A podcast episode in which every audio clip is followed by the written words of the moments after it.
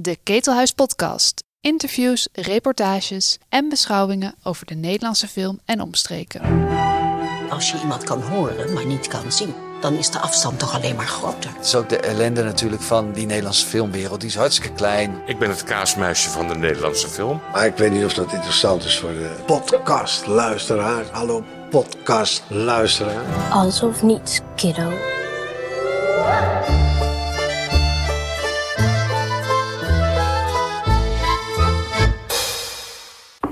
Laten we maar eh, beginnen, Hans.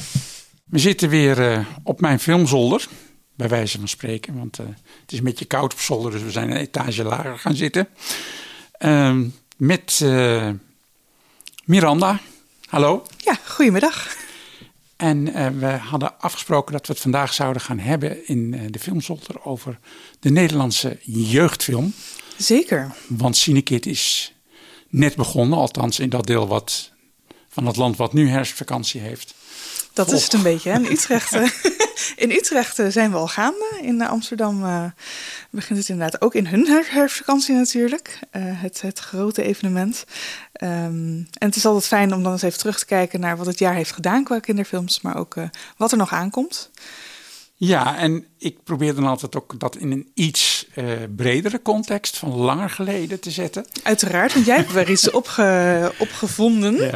Als je, Ik heb uit mijn filmzolder getrokken eh, een standaardwerk wat helaas toch niet erg bekend is. Uit 2011, een boekje geschreven door Esther Schmid en Sabine Venendaal.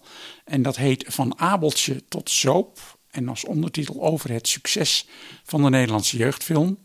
En dat is een soort van encyclopedie over de geschiedenis van wat er in Nederland allemaal op jeugdfilmgebied eh, gedaan is in het verleden. En eh, ook wat algemene vragen waar je nooit omheen kan als je daarover wil spreken. Van waar hebben we het nou eigenlijk precies over? als we het hebben over kinderfilm. Kinderfilm, jeugdfilm, familiefilm, zijn dat allemaal synoniemen? Is dat hetzelfde genre? Ja, Bedoel, is ja. hetzelfde genre. Of dezelfde doelgroep? En ook eh, iets waar ik heel erg mee worstelde toen ik nog eh, recensies schreef over film. Hoe beoordeel je de kwaliteiten van een jeugdfilm? Ja, daar gaan we het straks even uitgebreid over hebben. Ehm, zullen we eerst beginnen met die definitie? Wat, wat is voor jou een jeugdfilm? Eh, een jeugdfilm is voor mij een film die wordt uitgebracht met als doelgroep eh, kinderen nou ja, tussen de 0 en 15, 16. En als hun ouders graag meegaan, is het dan nog steeds een kinder- een jeugdfilm? Is Knor een jeugdfilm? Is Knor een jeugdfilm, zijn dat? Ja? Ja, zeker. Ja, zeker. Of wil je dat dan als familiefilm aan? Nou ja, dat, dat Ja, is ja, natuurlijk in de marketing wordt heel vaak gezegd. Familiefilm voor het hele gezin. En, en, en, en, en eh, Pietje Bel Mhm. en alle, al het hele van Maria Peters. Daarvan wordt gezegd dat zijn familiefilms. Dat is voor het hele gezin. Voor het hele gezin. Ja, en dan ja, kan je ja, ook ja. veel meer kaartjes verkopen als het een familiefilm is. Ja, maar het ding is natuurlijk wel dat. ehm, ja, je moet als ouder sowieso mee. Tot een jaar of twaalf, denk ik. Nee, ik zat zelfs even terug te denken, want ik eh, ben geboren in 87 en dan kom dus uit de hoogtijdagen van Bernie Bos. Ehm, en mijn allereerste film waar ik in de bioscoop heen mocht zonder ouders was Abeltje. Toen was ik elf. En ehm, ik denk wel dat dat inderdaad een leeftijd is waarop je nou ja, zonder chaperoon voor de eerste keer eh, zelf een beetje naar de film kan. Maar het is wel altijd moeilijk inschatten, vind ik.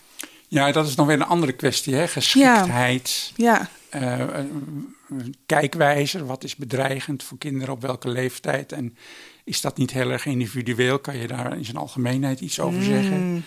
Maar goed, laten we dat daar niet nu het hoog, hoofdonderwerp van maken. Maar daar zijn we nog wel even bezig. ja inderdaad.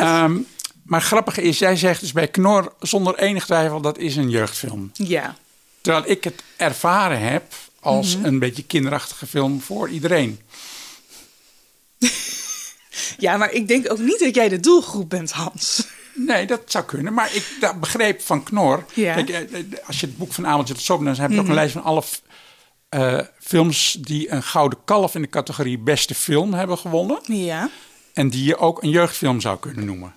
Dan kom je dus op Lang leven de koningin. Je komt Ja. op Minoes, je komt op Abeltje, je Mhm. komt op Kruistocht in Spijkerbroek. Maar is Knor dan de vijfde? Ik vind Knor, Knor wel echt een kinderfilm. En je kan het als volwassene heel goed kijken. Ehm, maar ik denk dat het echt wel ges- toegespitst is op kinderen. Ehm, en dat het niet. Je hebt natuurlijk ook best wel veel animatie voor volwassenen. Dat je echt denkt, ja, dit is niet een kinderfilm. En ik heb bij Knor wel het idee, dit is wel een kinderfilm. Het grappige is, in het boek worden een aantal mensen aan het woord gelaten over de, die definitiekwestie. En Ja. een van de dingen die bijvoorbeeld wordt geopperd als er een voice-over is. Nou, dat is Ja. lang niet bij elke film. Zeker maar niet. Als die voice-over van een kind is, dan is de identificatie in eerste instantie met kinderen. En dus is de eerste doelgroep kinderen. Ja. Als die voice-over is van een volwassene die terugkijkt op zijn jeugd, Ja, dan is het geen kinderfilm meer. Dus bijvoorbeeld toen we van de Duitsers verloren, Ja, ja, ja. is duidelijk het perspectief van nostalgie, nostalgisch terugkijken naar een Dus het verhaal van een volwassene. volwassene die terugkijkt naar een jeugdtijd die niet meer bestaat, Mhm. dan is dat dus geen kinder- of jeugdfilm meer. Maar dat is ook wel weer heel erg specifiek. Want je kan natuurlijk ook daar heel erg mee spelen. Dat je het juist wel Mhm. Ja. laat vertellen voor, door een kind, maar dat het eigenlijk helemaal geen kinderfilm is. Toen we van de Duitsers verloren, noem jij dat een, een jeugdfilm? Hmm, wel oudere jeugd. Maar niet een kinderfilm. Nee. Nee. Het feit dat er kinderen de hoofdrol spelen, hoeft ook- ook geen doorslaggevend Oh, zeker te niet. zijn. Nee, nee, nee, nee. Er zijn heel veel hele mooie films en hele slechte films met ehm, kinderen erin, wat het zeker niet meteen een kinderfilm maakt. Ja, ik, ik, ik- dan kom ik al meteen eigenlijk op dat recensieprobleem. Mhm. Eh, het is moeilijk als volwassen recensent om je in te leven in de beleving van kinderen. Dus eigenlijk moet Oh, je dan kinderen meenemen naar Ja. de film om te weten of, zij, of het wel of niet voor die doelgroep geschikt Ja, is. Je kunt ook zeggen, het doelgroep smolgroep. Ja, doen wij ook Je hebt goede ja. en slechte films. en dat kun je alleen beoordelen als je eh, als volwassen daar eh, enige ervaring mee hebt in het beoordelen van kwaliteit. Dat je er da- gewoon en dan, dan is meer het- hebt moeten zien. En dan is weer het volgende argument, Mhm. om dat dan weer te ontzenuwen. Eh, kinderboeken Ja. worden niet gerecenseerd door, eh, Kinderen. door kinderen, maar ook niet door critici die over volwassen boeken schrijven. Dat Meestal hebben jeugdboeken vak. eigen Ah. jeugdboekrecensenten. En hoe deed jij dat dan? Nou, ik, soms nam ik mijn kinderen mee. Mhm. Eh, en soms probeerde ik wel degelijk erachter te komen of dit voor kinderen wel of niet eh, eh, interessant was. Maar dan krijg je dus het bekende verhaal, nou, dat, eh, als je in de geschiedenis van de Nederlandse jeugdfilm duikt, dan is de meest productieve film aller tijden is, niet Bernie Bos, maar Henk van der Linden. Die een stuk of veertig jeugdfilms heeft gemaakt in Zuid-Limburg op vrij amateuristische eh, trant. Ja. Met, met vrijwilligers. En die films die waren eigenlijk vanuit een professioneel oogpunt nou, nauwelijks aanvaardbaar. Ja. Maar ze waren waanzinnig eh, populair bij kinderen die het enig vonden omdat ze ook Jos en Jimmy herkenden.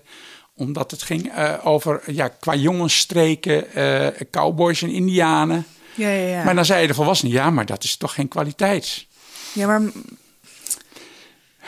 Ja, dit, dit is een. Ik vind het een interessant hoor. Want het is natuurlijk ook een programmeringprobleem. Want ehm, je zit zelf ook. Wij zitten in het Nederlandse filmhuis. Je wil je heel graag eh, artistieke jeugdfilms draaien. Eh, die worden niet zo heel veel uitgegeven. Dat is echt best wel schaars. En je merkt ook dat inderdaad kinderen ehm, graag naar iets zelf toe willen wat ze herkennen. Ja, Dus eh, je hebt bijvoorbeeld Casper en Emma, Ernest en Celestine, wat best wel goed werkt. Omdat het een soort van reeks is waarvan ze denken: oh, die heb ik gezien, dus wil ik nu hierbij. Daarom doet denk ik Buurman en Buurman bijvoorbeeld ook nog zo goed. Ehm, want daar komt ook altijd steeds weer een nieuwe film van uit. Ehm, en het is heel erg lastig om iets aan de man te brengen, of aan het kind op het moment, ehm, wat ze nog niet kennen. En dan moet je eigenlijk de ouders aanspreken. Dat moet je natuurlijk altijd. Eh, maar vooral in iets wat nieuw is en vooral in iets wat ze nog nooit hebben gezien. ze weten ook gewoon niet waar ze heen gaan. Ze weten niet wat het niveau is. De kijkwijzer is daarin nou ja, best wel slecht. Want er zijn heel veel films voor alle leeftijden, die zeker niet voor alle leeftijden zijn. Ehm, een leeftijdindicatie vanuit de distributeur is daarin altijd best wel fijn. Maar daar is vaak ook nog wel discussie over. Ehm, dus het is altijd heel erg kijken van ja, maar wat wil je dat de kinderen meekrijgen? En dat is natuurlijk eigenlijk heel erg belerend. Ehm, want dat is niet per se wat ze het liefst zouden willen zien. Zij willen het liefst misschien de hele dag Peppa Pig kijken. Ehm, of iets in die richting. Ja. Ehm, maar Sinterklaasfilms ook niet of vergeten. Sinterklaasfilms. Nou ja, dat is een heel goed onderwerp. Daar gaan natuurlijk ongelooflijk veel kinderen heen. Met ongelooflijk veel ouders. Eh, maar ja, laten we elkaar geen mietje noemen. Echt heel erg lekker is het ook over het algemeen niet. Maar kijk, laten we het even proberen uit elkaar te trekken. Ja. Kijk, bij volwassen films heb je natuurlijk ook het dilemma dat wat jij als filmrecensent of programmeur goed vindt, waarschijnlijk niet hetzelfde is als wat het allerbreedste publiek goed vindt. Nee. Dus daar zit vaak al een discrepantie. Bij kinderen is dat net zo. Dat de kwaliteitsfilms voor kinderen, waarvan je objectief kunt vaststellen dat ze eh, volgens bepaalde aan bepaalde kwaliteitsnormen voldoen, niet per se de films hoeven te zijn waar ook kinderen het meest dol op zijn. Nee. Alleen het verschil is dat volwassenen die kunnen zelf een keuze maken. Ja. En kinderen zijn mede afhankelijk van de keuze die hun ouders voor ze maken. ja, klopt. Dus we kunnen ze dingen opleggen. Superhandig. Bovendien is er nog een soort eh, vaak onuitgesproken idee. En dat is eigenlijk het allergrootste probleem. Dat kinderen van kinderfilms iets moeten opsteken. Dat ze er betere mensen van moeten worden. Dat het eh, heel erg moralistisch wordt. Ja, nou ja, dat is de uiterste vorm. Maar ook gewoon dat je zegt van, nou ja, kinderen hebben er baat bij als ze naar films kijken die met een zeker gevoel voor kwaliteit Ja. en drama gemaakt zijn. Ja. Maar mag je dat kinderen opleggen? Ja, ik vind van wel. Ik, eh, wat las ik? Oh ja, ik las in eh, de Volkskrant nog even terug wat de Aart Staartjes een keer heeft gezegd. eh, twee jaar, drie jaar terug, denk ik. Ehm, over eh, als kinderen zelf zouden mogen kiezen, dan vinden ze de McDonald's het beste restaurant. Kinderen weten nog niet wat het beste voor ze is, of wat, wat goed is, of wat. En natuurlijk kan je af en toe best een hamburger eten, maar het is wel fijn als ze een wat breder nou ja, aanbod hebben. En dat is natuurlijk nu. Er is zoveel beschikbaar. Er zijn zoveel Disney Plus, Netflix. Constant zien ze vaak toch ook wel hetzelfde soort eh, aanbod. Eh, dus dat is inderdaad, eh, nou ja, de Disney-films natuurlijk op Disney Plus, maar dat is ook op Netflix een specifiek kinderaanbod, wat best wel behapbaar is. En altijd vaak hetzelfde, omdat je met een algoritme zit. Dus als jij eh, nou ja, eh, Boomba leuk vindt, dan krijg je hier ook Boomba 2 en Boomba 3 voor je kiezen. En ehm, in de filmtheaters kan je daar toch iets breder blikveld proberen te creëren. Iets wat je niet zo snel op een streamerdienst ziet. Ehm, waardoor kinderen gewoon een bredere horizon krijgen. Ik denk dat ik het met je eens ben. Maar ik ga het nu nog een stukje moeilijker maken. Ja, komt u maar. Wat doen we dan met de categorie 12 tot 18? Ja, die zijn echt heel lastig. dat is echt. eh, Ik wil even een anekdote kwijt. Ik heb een Ja. keer een gastles gegeven op een HAVO eh, in eh, Amsterdam-Oost. En dat was een, een, een eh, zeer diverse populatie. En ik denk, wat het idee was van, kun je een gastles geven over film? Nou, Leuk. nog een breed Nogal onderwerp. wel een redelijk breed onderwerp. eh. Dus ik dacht, weet je wat, ik neem een tas mee vol dvd's. En dan laat ik eh, wat zien wat ik leuk vind. En dan zeg ik ook, eh, zijn er dingen bij die jullie kennen? Wat vinden jullie daarvan? En kies ook wat uit en dan gaan we daarover praten. Nou, toen kwamen we al heel snel op de vraag... er zaten ook veel dvd's in van Nederlandse films. Zei, nou, Nederlandse films, daar kijken we niet naar. Oh, Toen zei ik, oh interessant, want Ja? ja, daar wordt zo slecht in geacteerd. Ik zeg, oh, interessant. Slechter dan in buitenlandse films? Ja, dat is heel erg. Ik zeg, oh, maar kun je dan een voorbeeld geven? Wat vind je dan wel goed acteren? Ja. Nou, goede tijden, slechte tijden, dat is goed acteren. oh. Toen dacht ik, nou, nu wordt het interessant. nu gaan we doorvragen. ja, inderdaad. En toen kwam er dus uit, na veel eh, eh, doorvragen en, en, en eh, proberen te achterhalen wat nou hun gedachtenkader was. Goede tijden, slechte tijden kun je zien aan de acteurs wat ze voelen. Ja, dat ligt er heel wel, dik hoor. bovenop. Ja. En dat is voor een puber ontzettend prettig. Want die herkent dan eh, wat hij wat hij moet vinden. Ja. En, en waar die staat. En in een Nederlandse film met volwassen acteurs... die zitten, ja, die proberen dat niet al te Nee, dat is opzichtig. Dat zijn natuurlijk. subteksten. Ja. Nou, dat is slecht acteren. Oh, wat- ja, het is wel heel logisch eigenlijk. Ja. En dat zie je natuurlijk ook wel in kinderfilms. Dat soms kijk je dat als volwassene en dan denk je, ja, het Ja. ligt er wel allemaal heel dik bovenop. Henk van der Linden heeft daar ook dingen over gezegd. hè. Die zei van ja, ik, ik, ik, ik vind de kinderen praten eh, vaak door de film heen en ze zijn, Ja. worden snel afgeleid. Dus ik doe heel veel aan redundantie, dat ik dingen herhaal en nog een keer uitleg.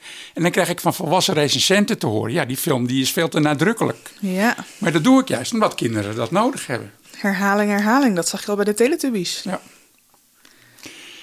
Dus voor 12 tot 18, waar je als volwassene eigenlijk ook nauwelijks meer invloed hebt op de keuze van waar kinderen naar kijken, Klopt. eh, is het helemaal lastig om daar films voor te maken. Dat denk ik zeker. Ehm, je ziet ook best wel wat distributeurs die proberen eh, een film op een bepaalde manier te kaderen. Inderdaad, voor die doelgroep. Ehm, en dan kom je toch al heel snel in een discussie van ja, maar is dit wel voor deze leeftijd? En kan je dit wel bij een eh, school aanbieden voor 12 plus bijvoorbeeld? Ehm, is het wel geschikt? En dat is natuurlijk ook heel erg lastig. Kijk, wat geschikt is voor een. En nu ga ik het heel zwart-wit, maar wat geschikt is voor een gymnasium eh, ergens, is niet geschikt voor een VMBO ergens. Het, is, het kan heel erg uiteenlopen. Ja, en, en ja, ja. En, en, en ik, ik denk ook gewoon dat, dat de meeste pubers gewoon liefst naar superhelden films of Barbie of films voor volwassenen kijken, waar ze. eh, kijk, je, je probeert je altijd een beetje op te trekken aan iets. Goede tijden, slechte tijden is wordt heel erg populair bij basisschool. Want dan weet je hoe dat in de toekomst zal gaan met liefde en zo. Heel mooie spiegel. Maar die spiegel moet altijd iets hoger hangen dan waar je zelf op dat moment bent. ja, dat is wel waar. Dus voor Ja. pubers zijn volwassen films veel interessanter dan films over 14-jarigen. Ja, dat denk ik ook wel, ja. Ik zal er ook eens. Ik heb. Ik weet nog heel goed dat ik. eh, Toen was ik elf en ik was een. eh, ik ben 3 juli jarig, dus ik was in mijn soort van groep 8 de enige die nog elf was. En daarom mocht ik van mijn ouders niet mee met de rest van de klas naar de Titanic. En als ik dat nu terug bedenk, dan denk ik, ja, dat lijkt me best wel logisch dat ik niet daarheen mocht. Maar ik weet ook nog wel dat ik toen dacht, ja, maar dat is toch gewoon voor 12 plus en ik ben bijna 12, dus dat is toch prima. En Maar, je ja, er zijn kinderen die het heel prettig vinden om beschermd te worden. Ja. ouders. Er zijn ook kinderen die dat haten natuurlijk. Ja. Die het liefst eh, daar helemaal omheen gaan. Ja, dit is, ik ben hier eh, jarenlang boos over geweest. Nog nooit die film in de bioscoop gezien. Nou ja, dit alles als preambule voor de recente Nederlandse ik het Ja, zeker, zeker. En wat mij dan opvalt is dat de films waar ik afgelopen jaar heel enthousiast over ben, zijn films voor eh, wat oudere jongeren. Die daar waarschijnlijk helemaal niet naar gaan kijken. Die moeilijk te bereiken zijn in ieder geval. Wel, nou ja, in ieder geval wel via de eh arthouse theaters, denk ik. Eh, we zien ze gewoon weinig binnen. Wel als je, eh, ja, als je het oplegt via school. Maar je ziet ze weinig gewoon in de normale zalen zitten. Zullen we beginnen met Kiddo? Want dat is Ja. toch echt mijn favoriet van dit ah, het is ja. toch een prachtige film. Ja. Zo weinig mensen heen geweest. Maar het is wel echt... Het is de op één na eh, meest bekroonde film bij de Gouden Kalveren. klopt ook. dus ook daar zagen de mensen het wel. Ehm, en dan vraag ik me af, is dat nou zo goed omdat het dicht bij de volwassen wereld staat en ik daarom het herken? Het is wel degelijk gefilmd vanuit het standpunt van een kind. Maar ja, misschien moeten we kort even uitleggen Ja. waar die over gaat nog. Ehm, het gaat over een meisje die eigenlijk min of meer wordt ontvoerd door haar moeder. En dan Ze zit ze in een kinderthuis. Ja, ze zit in een kinderthuis en haar moeder komt haar halen en die zegt: Kom, we gaan er vandoor. En dan gaan ze op roadtrip. En die moeder heeft een hele hippe bril en, Ja. een, en, een, en een oude Amerikaanse slee. En ze zegt dat ze uit Hollywood komt. Maar wij volwassenen zien natuurlijk heel snel dat er iets niet helemaal spoort met deze dame. Nee, dat het niet helemaal goed gaat en dat het ook niet een houdbare situatie is. Nee. Laten we daarop houden.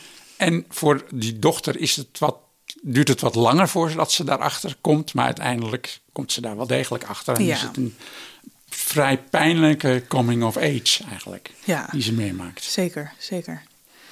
Wat maakt die film nou zo goed?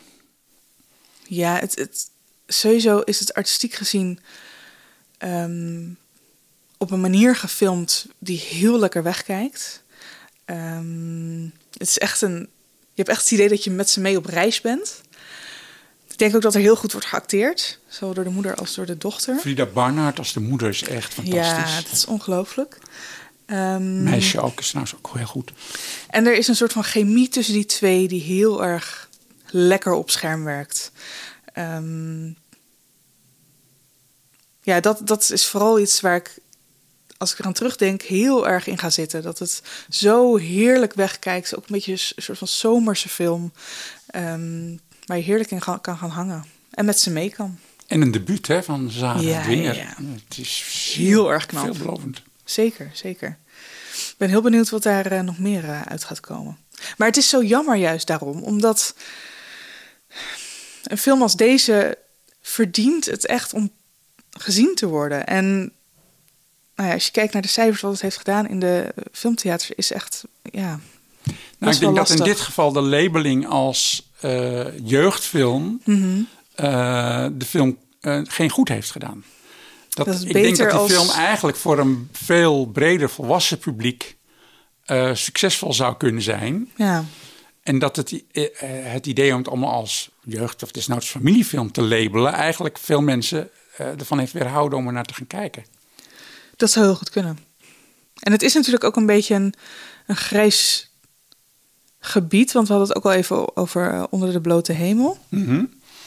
Ehm, Lilian Siebesma, een ander debuut. ja, Ook met een meisje als hoofdpersoon door wiens ogen we de film meemaken. Ook met een moeder die niet Die per se goed daarvoor kan zorgen. Ja. Ja. Gespeeld door Rivka Lodijs en een Ja. moeder met een verstandelijke beperking. En ehm, op een of andere manier vind ik... Maar die is ook niet in de markt gezet als kinderfilm. Nee, die is voor mij meer als volwassen Ja, film gemaakt. ja. Ja. En zie ik het daardoor... En ik weet ook niet of dat komt omdat het zo in de markt is gezet. En mij is aangeboden als volwassenenfilm. Ehm, dat ik ook het gevoel heb dat dit meer een film is met een kind voor volwassenen dan een kinderfilm. Ja. Want in principe is het idee niet heel veel anders dan dat van Kiddo. En ze hebben allebei slecht gelopen. Hè? Ja, En niet echt zo'n beetje slecht, maar best heel wel. slecht. Ja, best wel treurig. Ja. En ehm, dat heeft misschien gedeeltelijk ook te maken met het feit dat het eh, Nederlandse films zijn, die het ja, ja, vaak toch ook moeilijk hebben. Ehm, en ik denk dat Onder de Blote Hemel kwam natuurlijk volgens mij een week ervoor of daarna. Voor of na Sweet Dreams uit. En ik kan me heel goed voorstellen dat eh, volwassenen dan denken... nou ja, dan ga ik Sweet Dreams kijken. Want nou ja, daar hebben we het nu allemaal over. Dat is de bulldozer die alle Ja. anderen nu opzij Ja, schuift. ja, en dat opzicht heeft gewoon nog heel veel... ehm, nou ja, geen geluk gehad in ieder geval met de uitbreng. Nou, verder wat mij opvalt van de oogst van het afgelopen jaar... er waren ook overigens vrij veel eh, telefilms voor kinderen. Eh, telefilms zijn televisiedrama's die met een behoorlijk volwassen budget worden gemaakt... Eh, steun van verschillende fondsen. En het afgelopen jaar waren dat uitsluitend jeugd- en familiefilms. Ja, en daar heb jij er best wel wat van gezien, volgens Ik heb er mij. een aantal van gezien. Wat mij heel erg opvalt is dat de diversiteitskaart nu eh, er, erg getrokken wordt. Dat, dat het heel vaak gaat helemaal over doorheen zit. belevenissen van eh, kinderen met een andere etnische achtergrond in Nederland Dan die van onszelf op het dan, moment. dan die van de meerderheid. Ehm, en nou, met wisselend succes. Mhm. Ehm, Maar had je het ook het idee dat het daardoor heel moralistisch werd? Nou, niet zozeer moralistisch als wel eh, dat ik steeds het gevoel heb dat ik naar een film met goede bedoelingen kijk. Is dat erg? Dat kan storend zijn. Het kan ook zijn dat je er geen last van hebt. Eh, maar in bijvoorbeeld het geval van ehm, nou, er was één film waar ik helemaal niets van begreep... voor wie dat nou eigenlijk bedoeld was... en waarom die film überhaupt gemaakt. En dat is Tot Zonsondergang. Ja. Geregisseerd door Albert-Jan van Rees. En eh, ik geloof dat het ook een telefilm was van de EO. Ja. En dat is een belevenis van een stuk of zes kinderen in een dorp ergens in een bosrijke omgeving. Iets in de provincie. Van die zes kinderen in de provincie zijn er drie gekleurd. Of in ieder geval van een buitenlandse eh, komaf. Mhm. Wat volgens mij niet helemaal realistisch is. En, eh, In de provincie? Wil je nou, dat nou in een bosrijke omgeving is dat toch In een bosrijke omgeving. Ja, En die ja, kinderen die ja. beleven allerlei... Ja, het deed me een beetje denken aan... Je had vroeger die kinderboeken De Vijf van eh Enid Blyton. Ik weet niet of je dat iets Dat zegt. zegt mij helemaal niks. Nou dat- ja, is dat eh, voor of na kinderen mijn van een jaar of 14, 15... die eh, in een schilderachtige omgeving... met veel plattelandse trekjes... Mhm. boeven vangen of gevaarlijke dingen meemaken. Eh, ehm, en het, het loopt altijd goed af. En, Avonturenfilm. avonturenfilm, Ja. ja. Maar wel in de beperkingen van een alledaagse omgeving waar kinderen zich in kunnen thuis voelen. Het is Ja. niet in een kasbah of in een woestijn. Nee, inderdaad. Ja. Maar gewoon in het plaatselijke bos. Ja, ja. En eh, ja, ik, heb jij hem gezien, die film? Ik heb hem gezien. Wim, kun je je dat nog herinneren? Want hij zakt heel snel weg. Ehm, hij zakt inderdaad erg snel weg, moet ik toegeven. Ehm, ik, ik weet nog dat, dat ik dacht bij het einde van... oh ja, natuurlijk loopt het zo af. En dat vind ik altijd jammer. Ja, Als ik aan het eind van een film, dat dan een soort van de plotwist komt. En dat kan natuurlijk ook te maken hebben met het feit dat het een kinderfilm is. Ehm, dat het wel wat Nee, eenvoudiger moet zijn. Ja, maar ook dat het stichtelijk moet zijn. Want in dit geval is dus de bully blijkt eigenlijk een hele aardige jongen. ja. ja, ja. En daar kun je dan ook vriendschap mee sluiten. dat is leuk. Dat is leuk. Ja, maar het is ook de EO, hè, Hans? Ja, weet je, Ja. de EO maakt nog niet hele, hele avontuurlijke dingen. En daar zit natuurlijk altijd een beetje een stichtelijk woord in. En ik kan me wel voorstellen dat zij hebben gezegd... nou ja, kunnen we dit niet nog misschien een beetje aanscherpen... zodat het eh, voor iedereen lekker toegankelijk is. Nou ja, en in datzelfde genre heb je dus Lewin over eh, meisjesvoetballers. Eh, je hebt eh, Totem Sander Burger over een meisje in Rotterdam die beschermd wordt door een soort sprookjesbeest. En dat blijkt haar totem te zijn, die ook zich materialiseert en achter haar aanloopt. En dat maakt het dan nog, sta- laat het uitstijgen boven het realisme. Totem die heeft volgens mij vorig jaar eh Cinekids gedaan. En eh, hebben we ook nog wel gedraaid in Hm. de bioscoop. En dat is natuurlijk met die telefilms anders. Die, draaien we, die worden niet aangeboden aan de bioscoop. Meestal dus dan- niet. nee. nee. Soms wel. Ja, af en toe toch wel, ja. Dat is wel waar. Maar, eh, maar deze die jij noemde inderdaad verder niet. Nee. Ehm, en wat jij zegt, Totem was echt nog wel een interessante. Maar dat komt ook denk ik omdat er best wel wat... nou, ja, omgeving ook weer is altijd... We zijn veel bezig natuurlijk met Rotterdam op het moment. Ehm, ja, wat gewoon heel goed werkte Hoe bedoel je? We zijn veel bezig Nou, met Er Rotterdam. komen veel films uit Rotterdam, eh, of die zich afspelen in Rotterdam Hm? eh, uit de laatste tijd, dat valt mij op. Ehm, waar je nou ja, in de jaren daarvoor toch vooral eh, Amsterdam-based eh, films had. En op een gegeven moment hebben de mensen dat ook wel een beetje gezien. Dus is het heel erg prettig om eens een film te hebben die op de straten, in de straten van Rotterdam afspeelt. De openingsfilm van Cinekids dit jaar heb ik nog niet gezien. Ja, ik wel. Eh, Jippie No More. Eh, op het eh, randje nog gisteravond gekeken. Margien Ehm, Rogaar, Rogaar, ehm, groot talent in de, deze, Zeker, dit- zeker. deze sector. dit geeft al heel veel hoop voor de toekomst in ieder geval. Openingsfilm van Casino Kid ehm, gaat over een familie, echt een, ja, oh, nu ga ik het zeggen, echt een familiefilm. Eh, we zien een familie eh, en eigenlijk is de hoofdrolspeler is eh, Jippie, of ehm, Ja Pieter heet hij volgens mij. De enige die zijn naam goed zegt is zijn opa. Ehm, en Ja Pieter is een jongen met syndroom van Down. En ehm, zijn familie komt samen in het landhuis van opa om de, het huwelijk van zijn zus voor te bereiden. En dat is twee dagen later of zo. En iedereen helpt daarbij mee.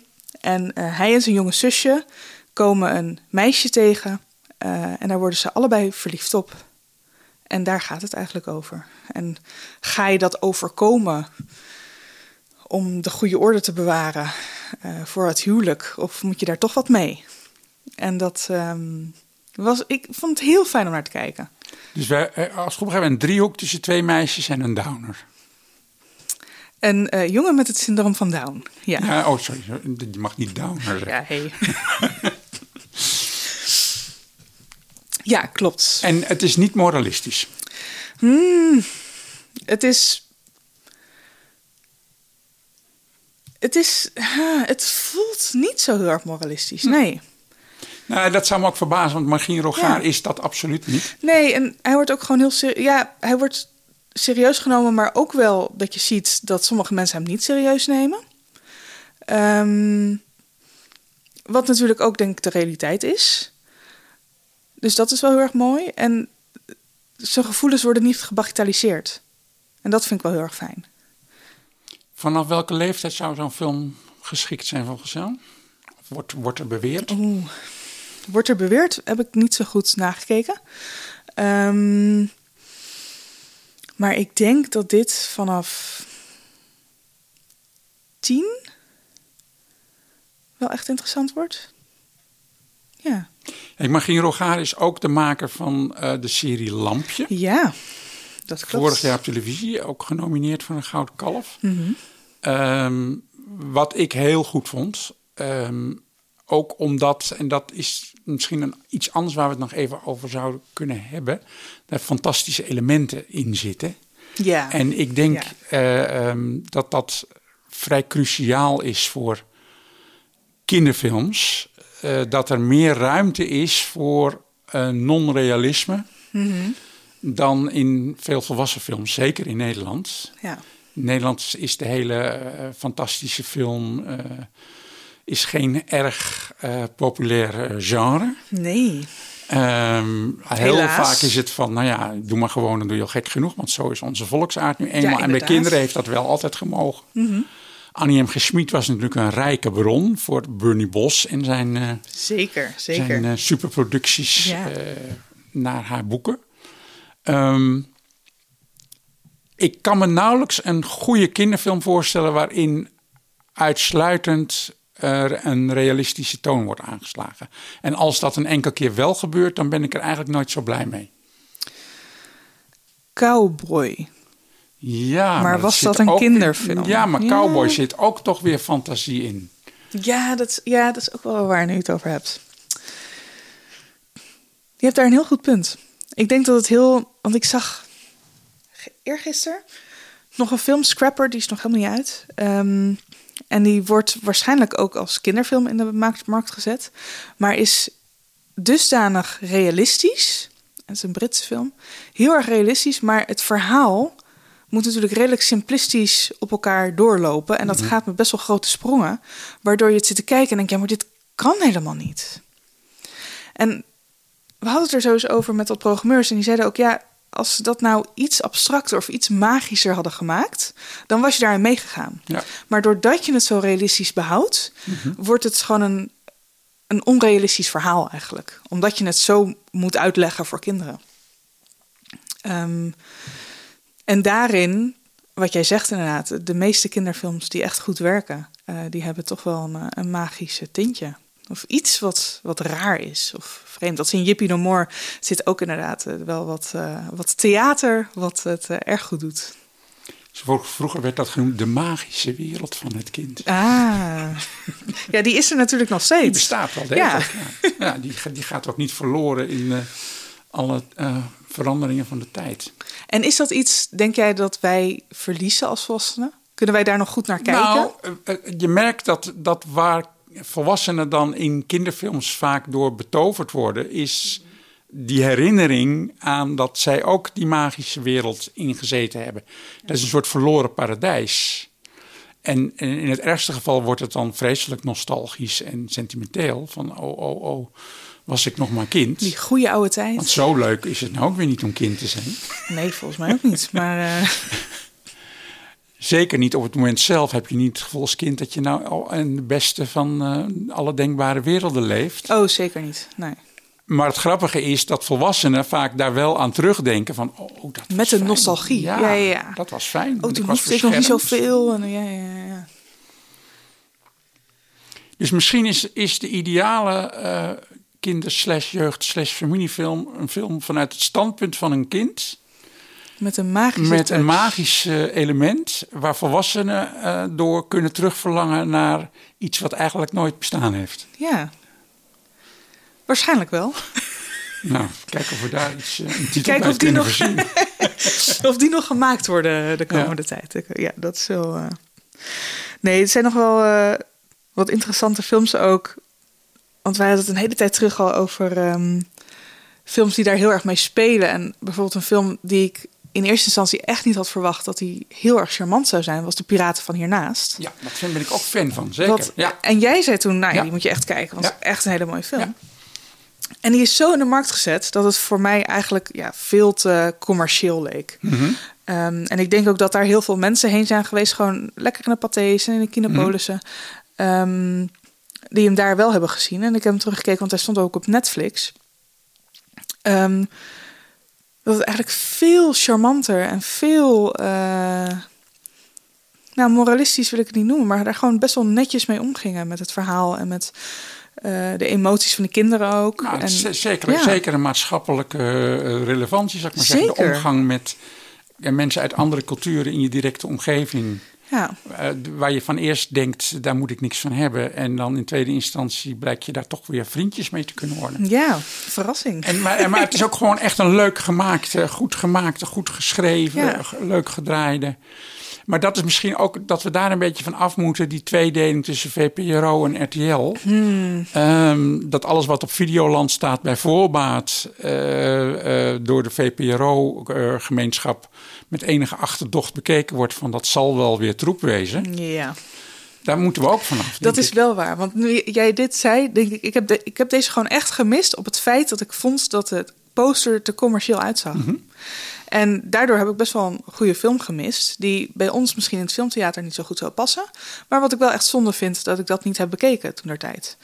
Ehm, en daarin zou ik ook, denk ik, wat meer moeten kijken vanuit juist het oog van de kinderen. Van ja, het ziet er heel flashy en kleurrijk uit. Mhm. Dat slaat bij hun natuurlijk aan, ehm, maar daar kan je de film niet op afrekenen. Ja. En dat is wel. eh, Ik heb wel één probleem met films die ook wel eens uitkomen tegenwoordig. Dat is ehm, films die heel erg gesponsord zijn.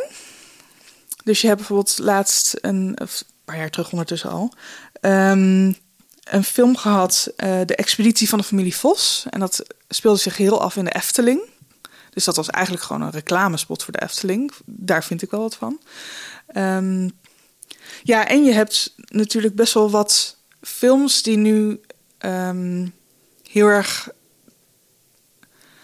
Nou ja, hun kijkers eigenlijk halen uit het feit dat er veel influencers in zitten, bijvoorbeeld. Ja. En dat is ook vaak iets wat kinderen wel willen zien, Ja. omdat ze die persoon kennen of volgen of wat dan ook.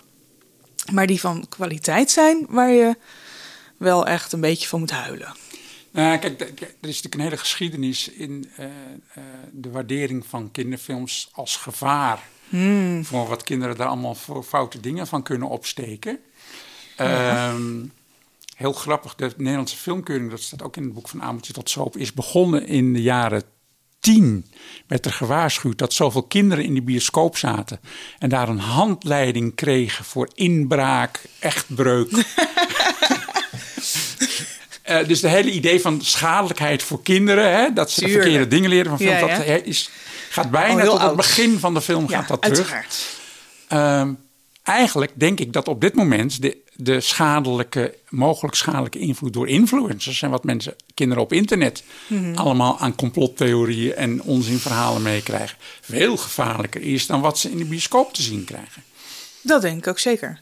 Omdat het ook gewoon niet gecureerd is whatsoever. Ja, precies, maar, Ja. en, en dat valt ook bijna niet meer te cureren. nee, nee, dus het hele idee van bescherming van kinderen tegen onverwachte eh, slechte invloeden, ja, dat is dan toch nu een volledige verantwoordelijkheid van de ouders geworden om daar tegengif voor aan te bieden.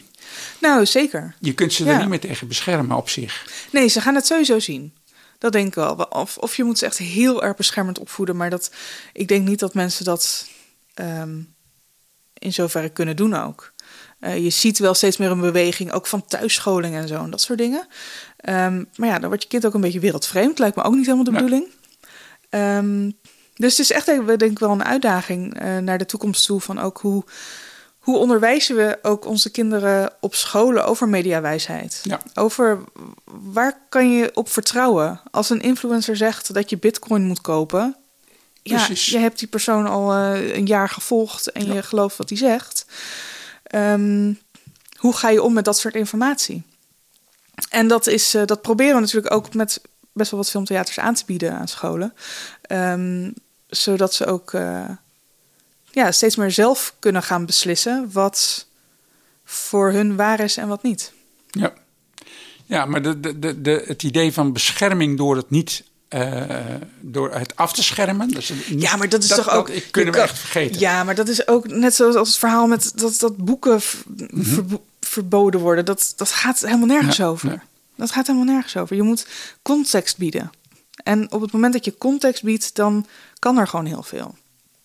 En dat is, en ik denk ook dat daar af en toe goede besluiten in worden genomen. Ehm, Bernie Bos, die daar ze volgens mij vorig jaar een eh, retrospectief van gedaan bij Cinekid. Ehm, en toen heeft hij besloten van, nou, ik zou het fijn vinden als we op dit moment in de tijd eh, het paard van Sinterklaas niet zouden draaien. Ik vind dat gewoon nu even niet gepast. En dat kan misschien over tien jaar wel weer, eh, in de juiste context. Maar het is nu, denk ik, dat het niet eh, het juiste beeld schept.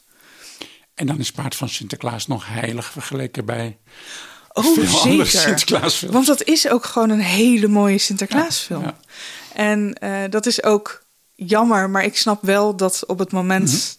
Bernie Bos die het nou, zelf heeft geproduceerd. Hè? Dat- ja, ja, uiteraard. Ja, ja. En ehm, dat de maker zelf zegt van ja, dit is gewoon even niet de tijd hiervoor. En dat eh, komt misschien nog wel. Zullen we afsluiten met 100 jaar Disney? Ja. Wat is jouw lievelings Disney-film, eh, Hans Werekamp? Pinocchio. Pinocchio. Zal ik je vertellen dat ik die nog nooit heb gezien? Moet je wel doen hoor, dat is Ja? echt heel goed. Ja. Ik zal dat kijken. Nou, en dan, de, de oudste Disney-films zijn fantastisch. Sneeuwwitje, eh, Fantasia. eh, en, en ja, op een gegeven moment is het toch ergens een hoek omgegaan. Waarschijnlijk op het moment toen ze ontdekten dat ze aan merchandising en, en, en theme parks meer konden verdienen veel dan aan meer films. geld kunnen Ja. verdienen dan aan films. Dat klopt. En toen werd film eigenlijk toch een soort eh, nevenactiviteit als melkkoe voor de, de echte bron van inkomsten. Dat denk ik ook wel, ja. En natuurlijk zijn er altijd eh, v- vooroordelen geweest in Disney-films die ontzettend eh, kwalijk zijn. Het, het, het- en die, die ook heel erg invloedrijk zijn. Hè? Bijvoorbeeld, eh, om eens wat te noemen, als je een kind nu vraagt om een heks te tekenen, Ja, dan is het de heks uit Sneeuwwitje. dan is het een, een, ja, een Disney-heks, dat denk ik zeker, ja. En dat geldt voor heel veel andere dingen ook. Dat het beeld wat we hebben van al dit soort archetypen, die natuurlijk toch in die oude sprookjes zitten, eh, zijn door Disney gepopulariseerd en, en, en, en eh, van een, een, een, een stand archetypisch beeld ook voorzien. Want archetypen bestonden al, maar de beelden, ja, je had ook de prenten van Gustave Doré bij, bij de sprookjes van Moeder de Gans, maar dat speelt niet echt een rol meer volgens Ik mij. denk het ook niet, nee. dat speelde in mijn tijd Hoewel al. overigens Disney daar wel zich door heeft laten Ja, inspireren. ja, dat is zeker Ja. waar. Maar het is wel interessant wat jij zegt, ja. Want er zijn ook heel veel eh, ehm, oudere Disney-films vooral... eh, waar bijvoorbeeld altijd de slechterik eh dik is. Dat soort zaken. Ja. Ik ben zelf een dikke vrouw. En dan denk ik daarop terug van... ja, ik had in mijn eh, jeugd ook alleen maar voorbeelden van... als je dik was, was je slecht. Dus dat, eh, en eh, daar zijn ze op het moment nog steeds niet heel goed in. Want ik hoorde laatst dat ze een film hadden gemaakt... en dat voor de eerste keer nou ja, een wat dikker personage als hoofdpersonage... was het een korte film van eh, vijf minuten. Dat ik Nou dacht, Henk ja, van der Linden had natuurlijk wel films over Dick Trom en Billy Turf. dat is waar. Dat waren positief. Dat Dick Trom ja. is overigens het meeste voorkomen, dat las ik ook in van Mhm. Ameltje tot zo, meest voor, verfilmde fictieve Nederlandse personage in kinderfilms. Er zijn later er zijn natuurlijk ook nog best Dick wel. Trom films. Jemig. Lachen. Waarvan zes van Henk, vijf van Henk van der Linden. En, Ja. Maar goed. Eh, ja, nee, Disney is natuurlijk, eh, heeft, heeft veel kwaad berokkend ook. Toch zie je nu de laatste tijd dat er is een tijd geweest dat we Disney allemaal heel erg tegen waren, omdat het zo rolbevestigend was. Ja. Nu nemen ze bijvoorbeeld weer stelling tegen Trump. Eh, eh, en beschermen ze de LHBTQ-beweging In zekere zin. in zekere zin. Dus Disney is altijd ambivalent geweest. Ja, in zijn uiting. eh, ingewikkeld. ja, altijd een beetje ingewikkeld geweest. Maar die oude films, daar kun je ze midden in de nacht wakker maken. Ja, ik, eh, ik keek denk ik wel duizend keer toen ik jong was, Bellen en het Beest. Ah, ja. Waar je ook je vraagtekens bij kan zetten. Zeker, Maar dat, zeker. eh, Ja, ja. toen was dat de film die, eh, die er altijd, eh, altijd aanging. ja, nou, het is ook heel Freudiaans, Bellen en het Beest. Ehm, maar dat is voor een andere podcast. dat is voor een andere podcast. Goed, dankjewel Miranda dat we dit gesprek weer konden voeren. Zeker, dankjewel Hans en eh, we zien elkaar. Tot zover deze Ketelhuis podcast. Je vindt de Ketelhuis podcast in je favoriete podcast app en natuurlijk op onze website ketelhuis.nl slash podcast. Abonneer je vooral zodat je geen enkele aflevering mist en leuk als je een reactie achterlaat. Hou ons in de gaten, we zijn snel weer terug met een nieuwe podcast.